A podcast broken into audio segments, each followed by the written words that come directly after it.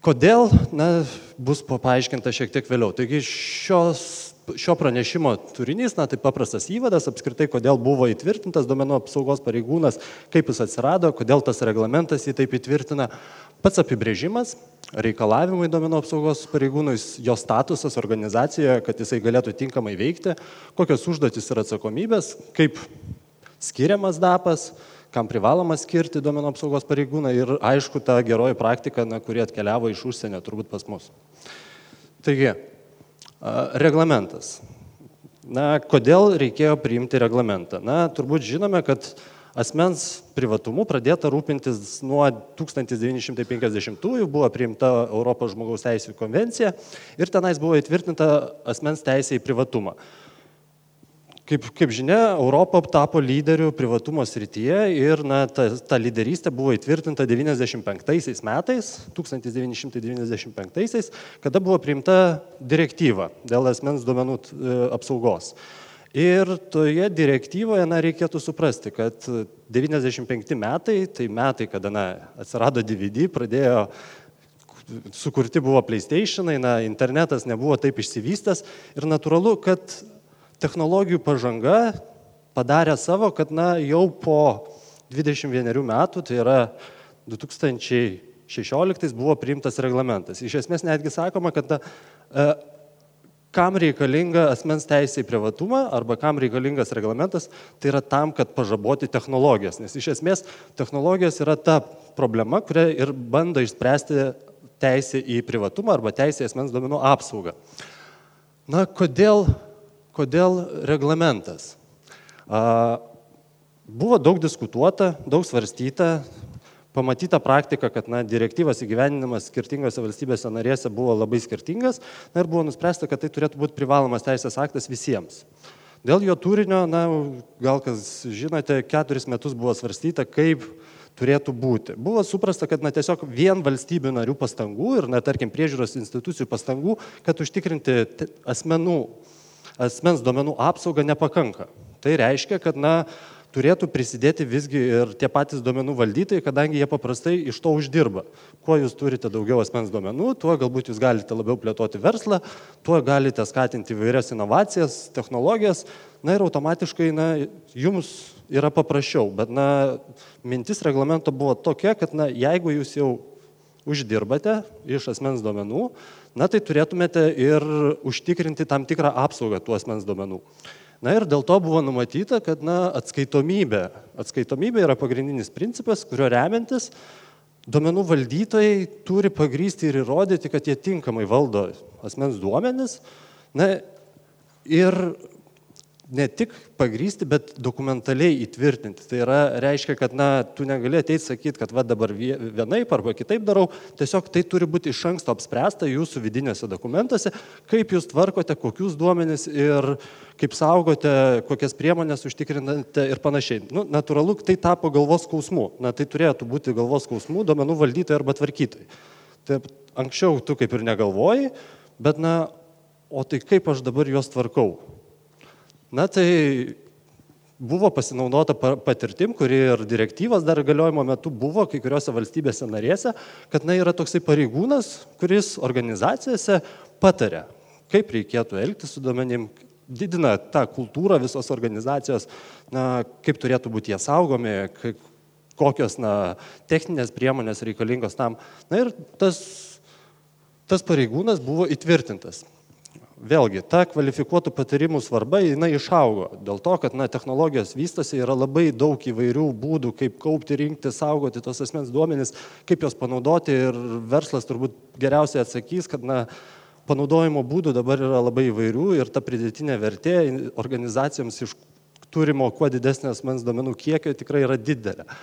Tad pagrindinis DAPO vaidmuo yra sudėlioti organizacijoje procesus taip, kad jie būtų suderinti su reglamentu. Taigi tas duomenų apsaugos pareigūnas yra savireguliatorius toje organizacijoje. Na ir automatiškai, kadangi organizacija geriau veikia, tai yra jį užtikrina asmens duomenų apsaugą, visų ES valstybių narių, kitos verslo organizacijos palankiau žiūri į tave, nes na, niekas nenorėtų skandalo, kuris, tarkim, įvyko su Facebook'u ir akcijos per kelis, kelias savaitės labai ženkliai nukrito vien dėl to, kad, na, asmens duomenų apsauga nesuveikia joje. Na, tai tas konkurencinis pranašumas arba tas kokybės ženklas, jisai egzistuoja, ypatingai Europoje. Taigi, kas yra duomenų apsaugos pareigūnas? Na, duomenų apsaugos pareigūnas apibrėžimo reglamente nėra.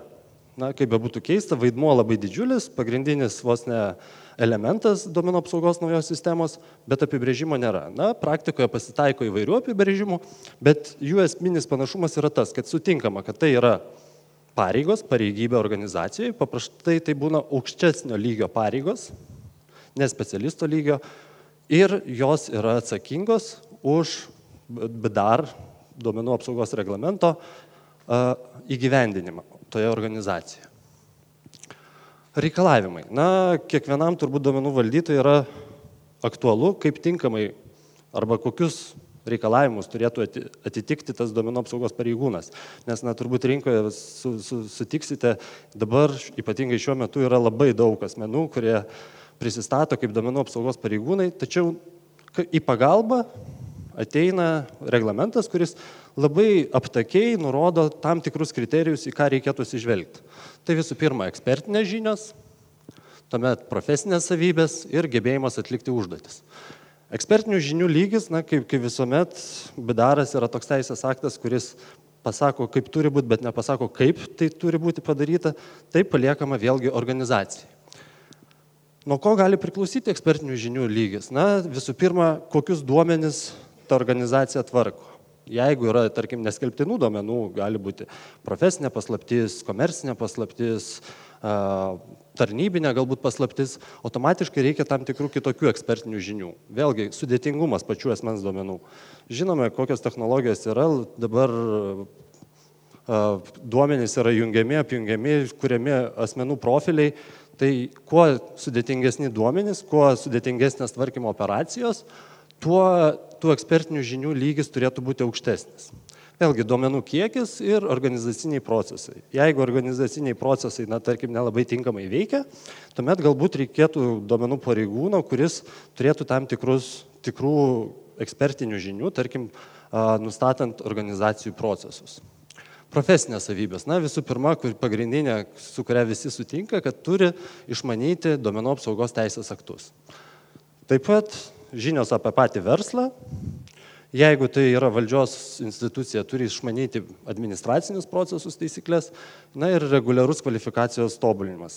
Ką tai reiškia, na, kaip profesinė savybė, tai iš esmės, na, turbūt sutiksime, kad technologijos nestovi vietoje ir labai dažnai viena kitą keičia. Ir automatiškai, jeigu duomenų apsaugos pareigūnas nekel savo kvalifikacijos, jisai gali atsilikti, na ir atsilikęs jisai tikrai gali nepatenkinti tų poreikių kylančių organizacijai gebėjimas atlikti užduotis. Netgi turint labai gerų ekspertinių žinių ir profesinės savybėm pasižyminčių domenų apsaugos pareigūnų, jeigu jie nesugebės atlikti savo užduočių tinkamai, na, tai turbūt iš jos naudos organizacijai nebus. Dėl šios priežasties reikėtų įvertinti jos meninės savybės. Tai yra visų pirma profesinis sažiningumas, profesinė etika. Dar būt gal išskirčiau toksai komunikavimas su kolegomis. Kodėl? Todėl, kad na, paprastai pokyčiai, kuriuos na, išsakys duomenų apsaugos pareigūnas, kad sistemoje yra kažkas galbūt negerai ir reikėtų keistis, dažnai sutinkami, sutinkami neįgiami, neįgiamai. Na, tai šiuo atveju duomenų apsaugos pareigūno tai tokia pareiga iškomunikuoti, kodėl to reikia, kodėl tų pokyčių organizacijoje reikia. Žinios. Žinios, žinios turėtų būti tokios, kad neapimti tik tai duomenų apsaugos klausimus, tačiau turėtų apimti ir IT sektoriaus klausimus, išma, e, reikėtų išmanyti organizacijos valdymo klausimus ir panašius dalykus, kad na, galima būtų kelti bendrą organizacijos kultūrą. Na ir vienas svarbiausių yra statusas organizacijoje, apie kurį mes atskirai pakalbėsime. Turi būti įtvirtintos tam tikros garantijos domenų apsaugos pareigūnui, kad jisai galėtų tinkamai veikti. Ta prasme, kartais susilaukiama tokių komentarų, kad vad paskirsime ir jisai išspręs domenų apsaugos pareigūnas. Na, jisai neįspręs vienas. kad ir koks geras jis vienas neišspręs, reikalinga komanda, reikalingas palaikymas vadovybės. Tai todėl, na, detaliau apie patį statusą. Visų pirma, duomenų apsaugos pareigūnas turėtų būti įtraukiamas į procesus, visus procesus, kurie susiję su asmens duomenų tvarkymu. Kodėl tas reikalinga? Todėl, kad na, dažnai vėlesnis įsitraukimas gali jau būti padaręs tam tikros žalos. Na, tarkim, jau įdėkta technologija ir po to bus galvojama, na, kaip ją pritaikyti prie uh, asmens duomenų, tarkim, kaip įgyvendinti teisę būti pamirštam. Galbūt jau gali būti praktiškai per brangu tą įgyvendinti. Dėl to, kuo ankstesnėje stadijoje įtraukiamas duomenų apsaugos pareigūnas, tuo yra geriau. Tuo jisai galės konstruktyviai, konstruktyviai padėti, išspręsti tam tikrus neiškumus. Suteikiami reikiami ištekliai. Prie išteklių vienas pagrindinis, na kaip ir turbūt jau buvau šiek tiek užsiminęs, tai yra, kad būtų labai palaikomas vadovybės. Nes jeigu jis nebus palaikomas vadovybės, natūraliai kitos grandies vadovai gali stabdyti visus esminius pokyčius organizacijai. Tai palaikymas vadovo yra būtinas, nes kitų atveju, na, galite ir neskirti to pareigūną. Na, iš jo naudos tos tikrosios pridėtinės jūs neturėsite. Natūralu, toliau yra finansiniai ištekliai, infrastruktūra, naudojimasis kitomis organizacijos struktūromis, tai pavyzdžiui, IT personalo ištekliais, finansinių padalinio ištekliais ir panašiai. Nepriklausomas pareigų ir užduočių atlikimas. Nors, kaip ir sakiau, turėtų būti vadovybės palaikymas, tačiau vadovybė neturėtų formuoti užduočių susijusių su asmens duomenų tvarkymu pareigūnui. Tai reiškia, kad pareigūnas turėtų objektyviai pateikti realią ataskaitą apie tai, kokia yra būklė organizacijoje. Ir jeigu vadovybė nesutinka, tuomet turėtų na, tuose dokumentuose, kuriuose užfiksuota užfiksuotas pareigūno įvertinimas, turėtų atsirasti įrašas, na, kodėl yra manoma arba kodėl pasirinktas kitas veiklos variantas. Visgi reikėtų pripažinti ir atkreipti dėmesį, kad ne pareigūnas atsako pagal BDAR ir ne pareigūnai taikomas sankcijas, tai yra organizacijai. Vadinasi, jeigu jūs nesutinkate su pareigūnu, labai tikėtina, kad jūs jau pažeidžiate BDAR nuostatas ir jums gali grėsti tą numatytą atsakomybę. DAP atleidimas arba baudimas. Va, tai taip pat susijęs su nepriklausomumu, nes na, kartais galima daryti įtaką duomenų apsaugos pareigūnai, tarkim, jo neskatinant. Šiuo atveju turėtų būti labai aiškiai įtvirtinta jo autonomija ir kad jisai turėtų tokias pačias garantijas kaip ir bet kuris kitas darbuotojas. Ir interesų konfliktas. Interesų konfliktas būtinas vėlgi tam pačiam nepriklausomumai. Ir DAPas, na jeigu jisai užsiema, turi ir kitas pareigas organizacijoje, jisai privalo vengti interesų konfliktų, netgi rekomenduojama, kad organizacijoje būtų taisyklės arba būtų įtvirtintos pareigybės, kurios yra nesuderinamos su DAP funkcijų atlikimu. Ir kaip dažniausias, na, tarkim, interesų konfliktą sukeliančios pareigybės yra nurodomas, na, direktorius, labai daug gauname tokių pranešimų, a, pa, a, IT padalinio vadovas, e, už žmogiškuosius išteklius atsakingo padalinio vadovas, projektų vadovas. Tai yra tie asmenys, kurie priima tam tikrus sprendimus dėl asmens duomenų tvarkymo. Tad tos pareigybės yra nesuderintos.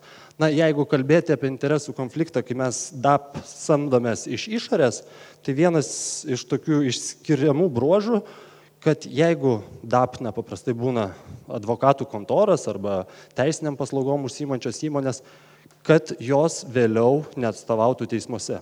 Nes jeigu atstovauji teismuose, tu esi jau šiek tiek suinteresuotas, kad palaikyti būtent duomenų valdytojo tam tikrą poziciją. Bet šiuo atveju turėtų būti objektyviai išlaikomas santykis su duomenų apsaugos teise. Na, DAP užduotis ir atsakomybės, jos yra pakankamai uh, aiškiai išdėstytas reglamente, na, ne visuose straipsniuose, bet na, tokias pagrindinės penkios grupės, kurias norėčiau išskirti, tai yra, na, matote kairėje savo pusėje, tai yra stebėjimas, stebėjimas kaip laikomasi e, daro. Tada DAPO vaidmuo atliekant poveikio duomenų apsaugai vertinimą, kontaktinis asmo su priežiūros institucija ir kitais subjektais, rizika pagristas požiūris ir vaidmuo tvarkant veiklos įrašus. Truputį plačiau norėsiu pakalbėti apie du, tai yra apie DAP vaidmenį atliekant poveikio duomenų apsaugai vertinimą ir vaidmenį tvarkant e, duomenų veiklos tvarkymo įrašus. Kodėl? Visų pirma, numatyta, kad poveikio duomenų apsaugai vertinimą atlieka organizacija, duomenų valdytojas, ne DAPas. DAPas šiuo atveju turėtų tik tai konsultuoti ir patarti. Ką jisai gali konsultuoti, ką patarti, ar apskritai reikalinga atlikti poveikio duomenų apsaugai vertinimą, kokią metodiką vadovautis, na ir pateikti galbūt išvadą apie tai, ar atliktas poveikio vertinimas yra teisingas, na, ar išskirtos rizikos yra pagrystos ir ar tos priemonės, kurios skirtos mažinti riziką, yra tinkamos. Ir DAP vaidmuo tvarkant įrašus. Vėlgi reglamentas numato, kad už veiklos įrašų tvarkymą atsakingas yra duomenų valdytojas, ne DAPas. Tai turėtų būti bendras institucijos interesas. Bet iš praktikos išskiriama tai, kad savo veikloje duomenų apsaugos pareigūnas tuos įrašus vis tiek susirenka. Tai yra atlikdamas savo funkcijas, jisai gauna informaciją, kokius duomenis tvarko tam tikri padaliniai, skyriai tos organizacijos, kaip keliauja, kam jie atiduodami, kaip jie saugomi ir panašiai, tai šiuo atveju nereikėtų dubliuoti tos pačios funkcijos kelis kartus. Dėl to, na, taip patarimas yra toksai, kad, na, už veiklos įrašus galėtų būti atsakingas ir duomenų apsaugos pareigūnas. Taip, skirimas duomenų apsaugos. Turbūt, kas susipažinę esate su reglamentu, žinote, kad duomenų apsaugos pareigūnas yra tik tai tam tikrais atvejais privalomas. Kitais atvejais jisai, jo paskirimas turėtų būti savanoriškas. Tačiau bet kuriuo atveju, sprendžiant, ar DAP reikėtų paskirti ar nereikėtų paskirti, būtina atlikti vidinę analizę ir ta vidinė analizė turėtų būti dokumentuota. Tik tokiu atveju, kadangi tai yra atskaitomybės principų paremtos dokumentacijos dalis, tokiu atveju jūs galėsite pagrysti bet kuriai priežiūros institucijai, kodėl jūs nusprendėte paskirti arba nepaskirti duomenų apsaugos pareigūną. Na ir gali būti taip, kad na, jums pareigos skirti duomenų apsaugos pareigūną nėra, bet galbūt jūs dėl tam tikros veiklos prognozuojate, kad jį plėsis, didės, jūs nusprendžiate paskirti, tai taip pat turėtų būti pažymėta.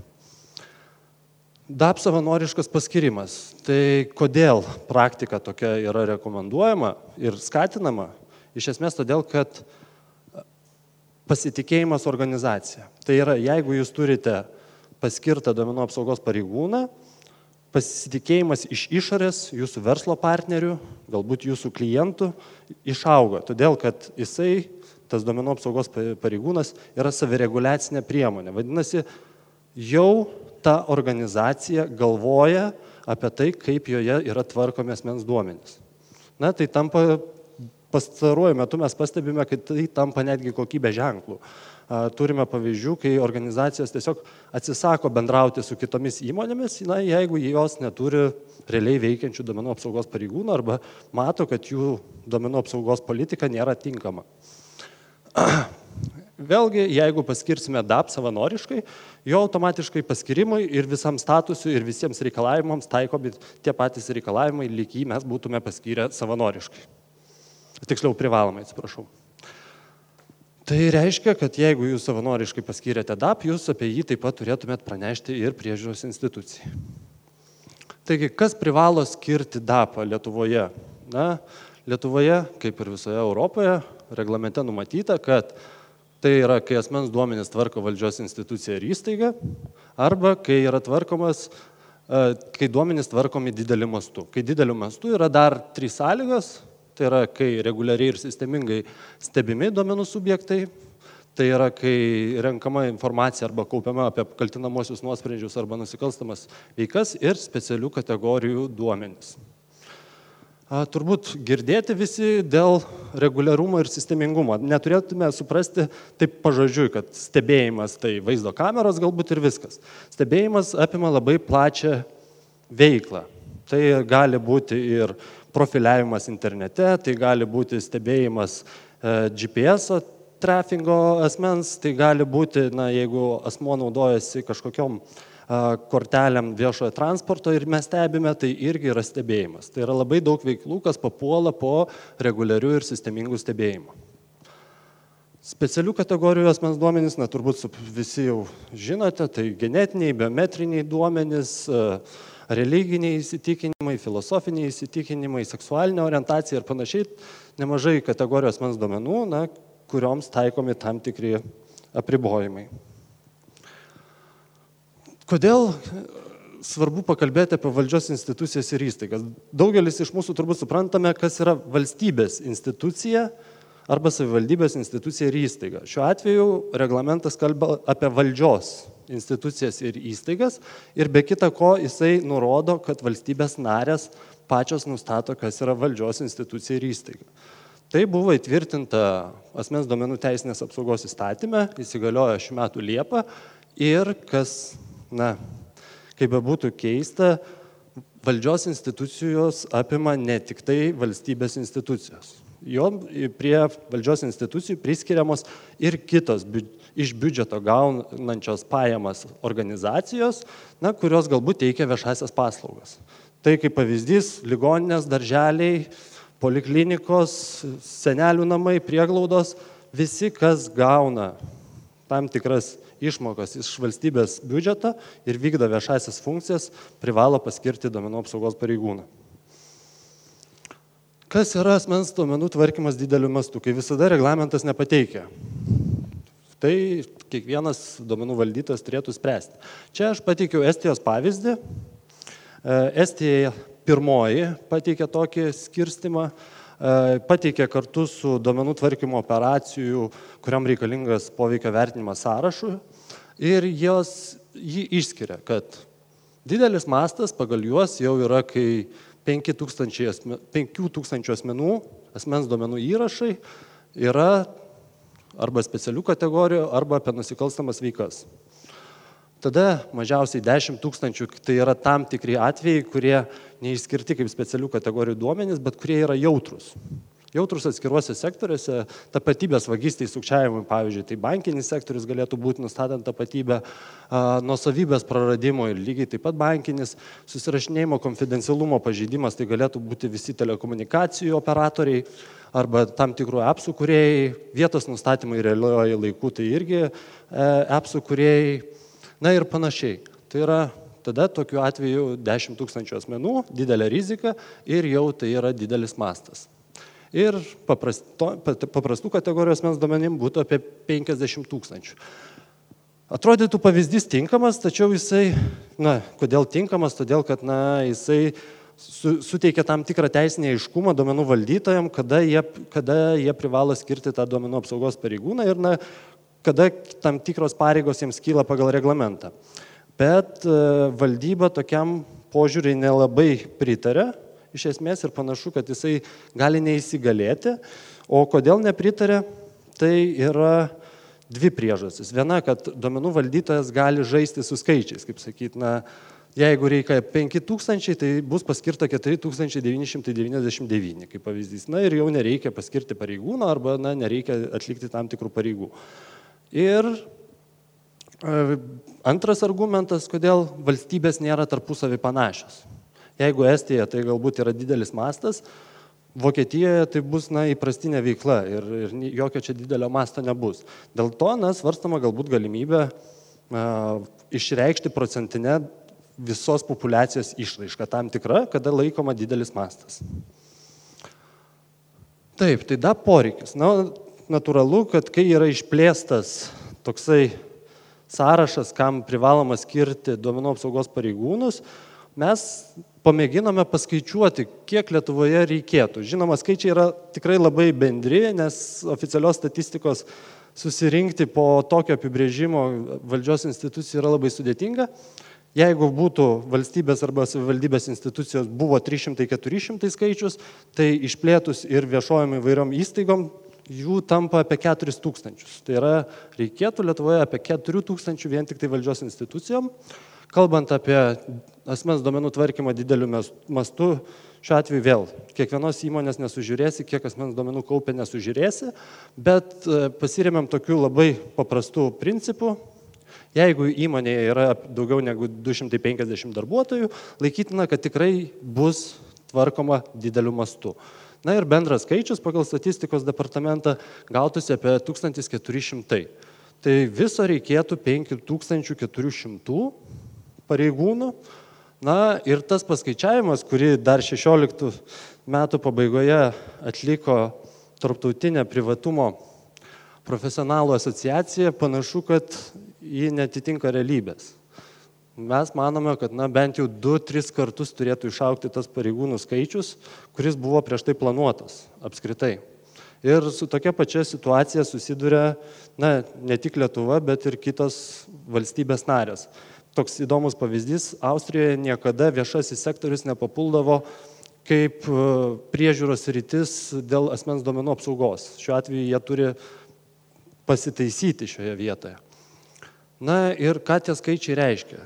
Tie skaičiai reiškia, kad poreikis duomenų apsaugos pareigūnų yra didžiulis rinkoje ir jisai kur kas viršyje pasiūlą, negu tų pareigūnų yra.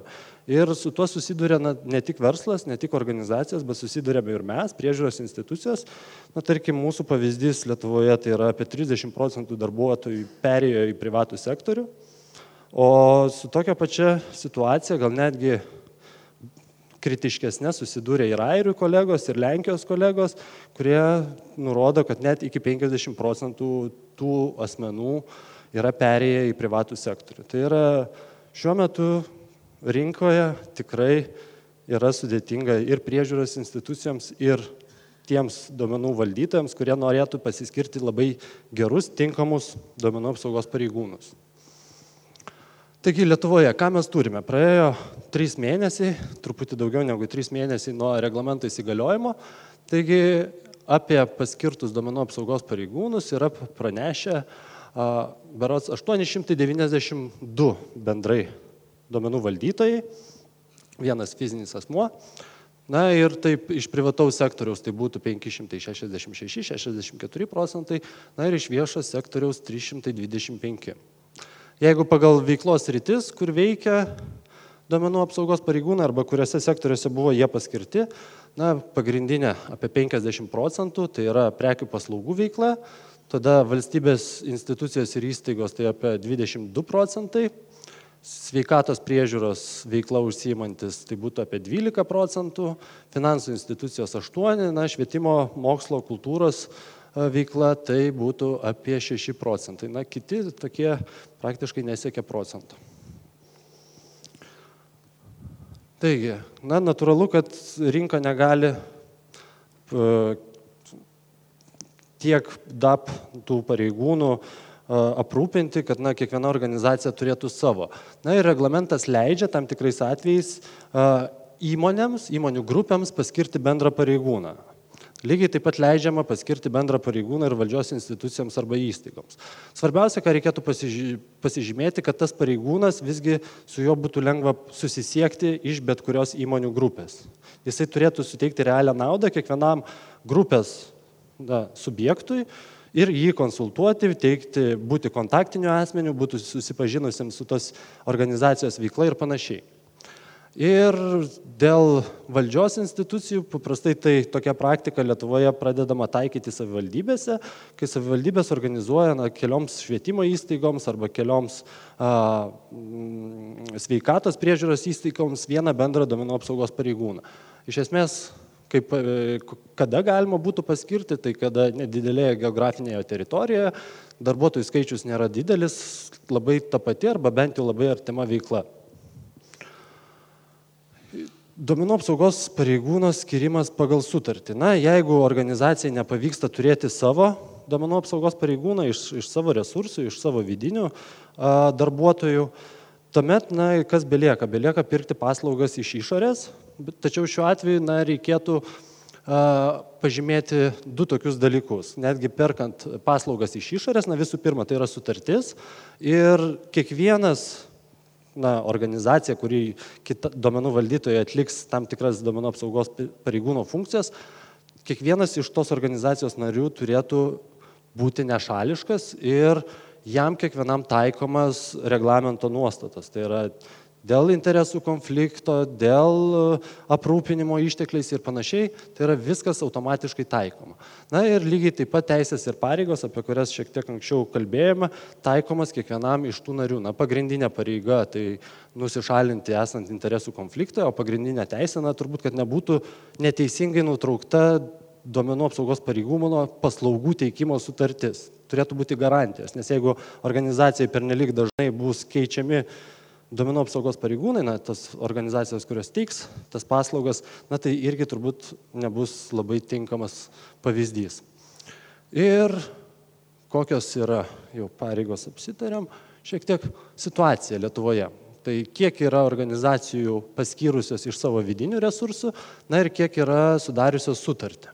Tai kaip matoma, didžioji dalis, 57 procentai yra paskyrusios domenų apsaugos pareigūnus iš, iš savo vidinių resursų ir apie 40 procentų yra sudariusios sutartį.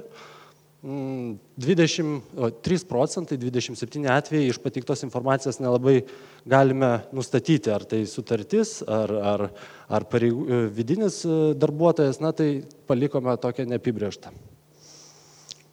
Na ir kokia geroji praktika?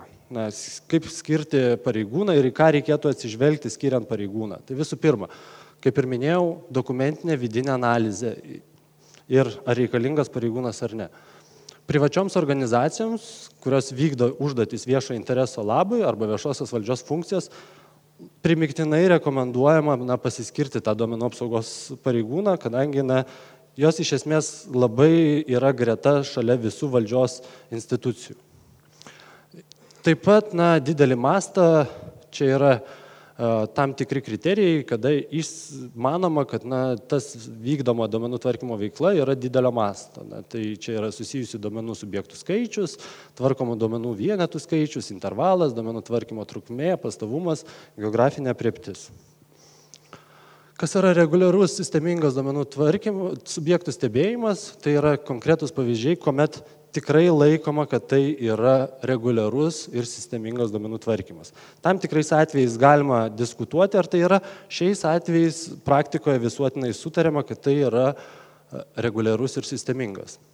Kai duomenų valdytojas paskiria duomenų apsaugos pareigūną, jo duomenų tvarkytojai taip pat rekomenduojama paskirti DAP. Na, susidaryti truputį keista situacija, jeigu valdytojas, kuriam na, privaloma skirti duomenų apsaugos pareigūną, pateiktų savo turimus duomenis tvarkyti duomenų tvarkytojui, kuris neturėtų duomenų apsaugos pareigūnui. Na, automatiškai ta grandis silpnėja. Dėl šios priežasties vėlgi rekomenduotina valdytams pasitelkti tik tuos tvarkytojus, kurie turi duomenų apsaugos pareigūnus. Rekomenduojamas reguliarus mokymas duomenų apsaugos pareigūnams, kvalifikacijos kelimas, dalyvavimas įvairiose konferencijose. Kodėl tai svarbu? Na, kaip ir minėjau, technologija žengia pirmin. Duomenų tvarkymo veikla organizacijose labai kinta. Duomenų panaudojimas labai a, išvystomas taip, kad na, paslaugos tampa orientuojamas į tam tikrus subjektus, profiliuojami asmenys. Tai šiuo atveju vėlgi duomenų apsaugos pareigūnai neturim pakankamų žinių, kaip apsisaugoti nuo grėsmių, galbūt kibernetinių, galbūt kaip organizacija sudėlioti procesus, bus sudėtinga tiesiog vykdyti savo funkcijas. Stabili duomenų apsaugos pareigūno darbo arba paslaugų sutartis, taikomos garantijos dėl nesažiningo atleidimo iš darbo yra prielaida veikti jam nepriklausomai. Šitą labai rekomenduojama įtvirtinti tikrai vidinėse taisyklėse ir netgi nurodyti visiems savo darbuotojams organizacijose, kad duomenų apsaugos pareigūnas vykdydamas savo funkcijas yra nepriklausomas. Na ir tada tai lik ir išreiškiama bendra organizacijos pozicija to klausimu. Da, e, labai dažnai klausia mūsų, na tarkim, yra prievalė pateikti duomenų apsaugos pareigūno kontaktinius duomenis. Na ir kontaktinis duomuo, vienas iš kontaktinių duomenų yra vardas pavardė. Ar reikėtų jį pateikti visuomeniai? Tai sutariama, kad galima to nepateikti, užtenka na, tik tai kontaktinių duomenų tam tikrų, tai yra telefono numerio, galbūt elektroninio pašto adreso ir to pakanka. Priežiūros institucijai šiuo atveju tai negalioja ir reikėtų pri, uh, pateikti konkrečius, konkretaus pareigūno duomenis. Truputį skirtumas toks yra. Čia aptarėme, ką reikėtų daryti vengiant interesų konflikto. Na ir duomenų valdytojas visiems savo darbuotojams, įskaitant ir vadovybei, teikiamoje informacija turėtų nurodyti tikslės duomenų pareigūno užduotis ir jų sritį. Tai yra svarbu, kad jis orientuotųsi tik tai į savo veiklą susijusią su asmens duomenų apsaugo organizacijas. Negalėtų būti, neturėtų būti jam numetamas kitos užduotis, na, kurios kaip sakyt, atitrauktų jį nuo savo pagrindinės veiklos. Ir tas iškomunikavimas vėlgi reikštų, kad jūsų organizacija na, tikrai gerbė šią pareigybę ir sudaro jam sąlygas tinkamai veikti. Tai tiek ir klausimas, kas paskyrėt savo pareigūnus. Dėkuoju už pristatymą ir tikrai turiu pasakyti, Visų pirma, labai išsami prezentacija, tai tie, kas nespėjot įsiminti, sukonspektuoti tų dalykų, kurie čia buvo paminėti ir tikiu, tenai yra daug svarbios informacijos, tą prezentaciją ir kitas gausite elektroniniu paštu vėliau ir galėsite dar kartą peržiūrėti ir susipažinti su informacija. O dabar eisime prie tiesiog lavinos klausimų. Nežinau, mes čia turbūt galėtumėm sėdėti ir stovėti dar bent gerą pusvalandį, bet pabandykim greitai prabėgti per pačius pačius jau svarbiausius, neduodančius ramybės. Pirmas apie elektroninį paštą vardinį, pavadinkim, ar ne, dar mačiau žemiau yra klausimas, ar prie to paties galima nuotraukas skelbti tokiu pačiu formatu. Kokia jūsų? Mūsų nuomonė paprasta, jau suformuota teismų praktikos, elektroninio pašto adresas, vardas, pavardė, ta įmonė, tai yra asmens domuo. Tai yra pasakyta, dėl to, tarkim, jeigu stebėti visą dabartinę ES praktiką, atsisakoma tokios.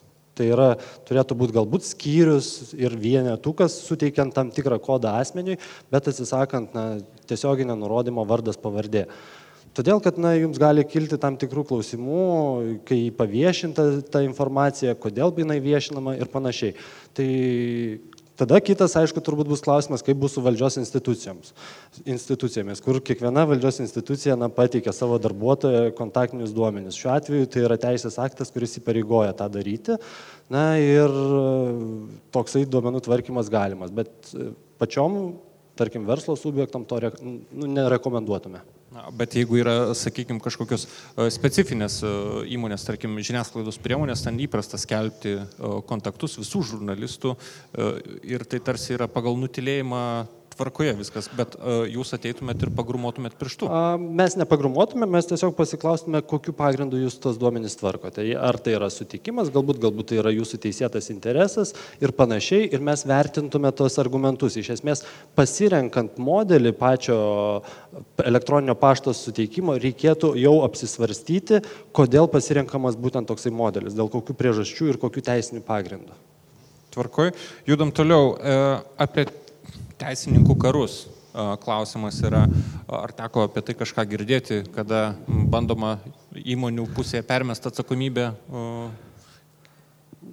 atvirai pasakysiu, neteko girdėti, bet na, kad konkurencija didžiulė ir, ir tarpusavį konkuruoja įmonės, tai tikrai neretą sutiksime ir dažnai iš praktikos žinome, kad dažnai skirtingų dviejų teisinių kompanijų konsultacijos būna skirtingos. Ir Čia turbūt aš e, pertrauksiu, labiau susijęs klausimas su tuo, kad permeta atsakomybę tiekėjams. E, įmonė turi kažkokį matyti IT e, paslaugų tiekėją ir sako, oi ne, žiūrėkit, jūs sutvarkykit viską, aš nieko nežinau, moku jums pinigus. A, ne, šitoje vietoje šitas argumentas tikrai negalioja dėl to, kad reglamente aiškiai nustatyta, kas atsako už domenų tvarkymą.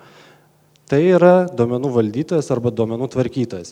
Nei kažkoks įmonės darbuotojas, nei pagal sutartinius santykius veikiantis asmo neatsako. Jeigu jums bus taikoma sankcija, tai taikoma sankcija bus duomenų valdytojai. Tada jūs galbūt regreso tvarka turėsit įrodinėti, kad jūsų paslaugos teikėjas kažko neužtikrino ar kažko neįvykdė. Tačiau visų pirma atsakomybė tenka duomenų valdytojai. Dėkui. Dar vienas klausimas. Ar tretieji asmenys gali legaliai ieškoti saugumo spragų mm, valstybės informacinėse sistemose ir jas viešinti? Na, mano asmeninė nuomonė, tai, tai ne, ne mūsų klausimas, bet mano asmeninė nuomonė, tai neturėtų būti daroma viešai, ypatingai kaip čia buvo vienas iš atvejų, kai yra paskelbiama straipsnėje, tam yra tam tikros institucijos, galų galę tam yra tam, tas pats duomenų valdytojas, kurias, kuriam galėtų būti pateikta ta informacija, bet na, jeigu jūs viešai paskelbėt, iki kol valdytojas ar tvarkytojas imsis tam tikrų priemonių, kenkėjas galėtų jau pasinaudoti tą informaciją ir tos tam tikrus duomenys gauti. Tai šiuo atveju mano asmeninė pozicija tai negera praktika. Supratau. E, važiuojam toliau. E, beje, ar esate skyrę e, baudų už badar? Kol kas ne. Ir, Ar ketinate? Žinoma, ketiname. Kaip mes suprasime baudas? Ta prasme, bauda yra paskutinė kraštutinė priemonė, kaip suprantama. Daras leidžia taikyti ir kitas poveikio priemonės, tai yra įpareigojimus, pastabas, nurodymus, kurie turi būti privalomai vykdomi. Iš esmės mes kol kas laikomės tos pozicijos, suprantame, kad na, reglamentas įsigaliojo, jis yra tikrai sudėtingas, tiek duomenų valdytams ir tvarkytams, tiek ir priežiūros institucijoms kyla labai daug klausimų, kaip taikyti. Šiuo atveju mes, na, pateikdami savo nurodymą, iš esmės manome, bet nesame dar kol kas tikri, nes na, manome, kad tai yra pažeidimas, dėl to teikiama nurodymo. Institucija gali sutikti, nesutikti, mes pasižiūrime, ar ta formuojama praktika yra tikrai gera. Galbūt per teismus, galbūt tie duomenų valdytojai sutinka, kad taip, tvarkoji, logiškas nurodymas ir mes jį įvykdysime. Tai mūsų pagrindinis tikslas yra, kad duomenų tvarkymas vyktų tinkamai. Tai yra nenubausti, bet tiesiog sutvarkyti situaciją. Yra klausimas apie vieną konkrečią įmonę, jis toks, nežinau, labai aštrus, galima sakyti, ar Maksima laikosi BDR nuostatų. Gal taip nesukonkretinkim, aš tą klausimą šiek tiek kitaip pasukčiau turbūt. Ar jūsų taikli taikiklyje yra labiau privatus ar viešojo sektoriaus e, juridiniai subjektai? Iš esmės aš taip neskirstyčiau, todėl kad na, tikrai turime daug ir valstybinio sektoriaus organizacijų, kurios tvarko daug asmens duomenų ir labai jautrių asmens duomenų. Tai mes tengiame surasti tą tokį balansą Paskutiniai mūsų dabartiniai vykdomi patikrinimai tai taip pat susiję, tarkim, su valstybės informacinių sistemų patikrinimais, kur mes teikiame savo irgi rekomendacijas, nurodymus. Taigi taip sakyti, kad tik tai privatus sektorių kontroliuojama, na, nedrįščiau. Tiesiog labai priklauso nuo tų pačių asmenų skundų, kokie, kokie gauname. Beje, susijęs klausimas, jūs tyrimus pradedat savo iniciatyvą ar laukiat skundų? Iš esmės, iki reglamento įsigaliojimo būdavo pasiskirstimas, kad na, 20 kokie 5 procentai būdavo savo iniciatyva ir apie 75 procentai tyrimų būdavo pagal skundus. Šiuo atveju statistika yra negailestinga ir žiūri ir ne tik pas mus, bet visoje ES skundų kiekis padidėjo dvigubai, kai kuriuose valstybėse netgi trigubai. Tai šiuo atveju tiems planiniams patikrinimams na, realiai nelieka resursų juos įgyvendinti. Tai iš esmės dabar jau veikla pagrindinė kol kas orientuojasi į skundų tyrimą. Mhm. Dar porą klausimų paimsim ir nu, likusius paliksim po renginio atsakyti. Kada bus paruošti teisės aktai reikalingi badar įgyvendinimui? Nežinau, jie paruošti, neparuošti? Pagrindiniai teisės aktai yra paruošti. Tai būtų, jeigu mums žiūrėti, tai būtų asmens duomenų teisinės apsaugos įstatymas ir asmens duomenų teisinės apsaugos įstatymas vykdant policijos bendradarbiavimą ir baudžiamą į persikėjimą. Jie parengti. Dabar yra tik tai klausimas dėl kitų teisės aktų, kur numatyta galimybė reglamentų taikyti išimtis tam tikras reglamento dėl jų prieimimo. Ir iš esmės pozicija, na, ne duomenų apsaugos inspekcija yra formuojanti pra, e, politika šioje srityje, bet pozicija yra tokia, kad buvo duotas pavedimas visoms ministerijoms, vat, kaip tik baigsis jo vykdymo terminas rugsėjo mėnesį, peržiūrėti visus savo teisės aktus, kūruojamus teisės aktus, na ir pateikti vyriausybei projektus, jeigu reikalinga įstatymų, vyriausybės nutarimų ir kitų teisės aktų, kad suderinti nuostatas su reglamentu. Tvarkoj. Uh, ok, paimsim du klausimus. Vienas labai greitas. Ar IP adresas yra Asmens duomenys. Tikrai taip. Ir ko važiuojam toliau? Paskutinis klausimas. Kokie veiksmai buvo padaryti arba bus padaryti dėl gyventojų registro incidento? Apie kurį, nes incidentų. Daug buvo. Tai apie kokį nors ten įsimintinesnį tada. Ne, buvo įvairių atvejų, na, tarkim, įvairių klausimų sprendžiama su registrų centru, na, paskutiniai turbūt dėl duomenų atvėrimo klausimai, bet na, tikrai negaliu, negaliu taip drąsiai teikti, nes kai kurie tyrimai galbūt dar vykdomi, tai galiu atskleisti per daug informacijos. Tai jeigu sukonkretintumėt klausimą, tai galėčiau atsakyti, jeigu galėsiu. Atsakyti. Jeigu kažkas norėtų patikslinti tą klausimą, kas uždavė šį, gali pakelti ranką ir pabandysim patikslinti greitai. Ne? Ok. Tai kol kas baigsim mūsų klausimų atsakymų sesiją. Dėkui už pranešimą ir atsakymus.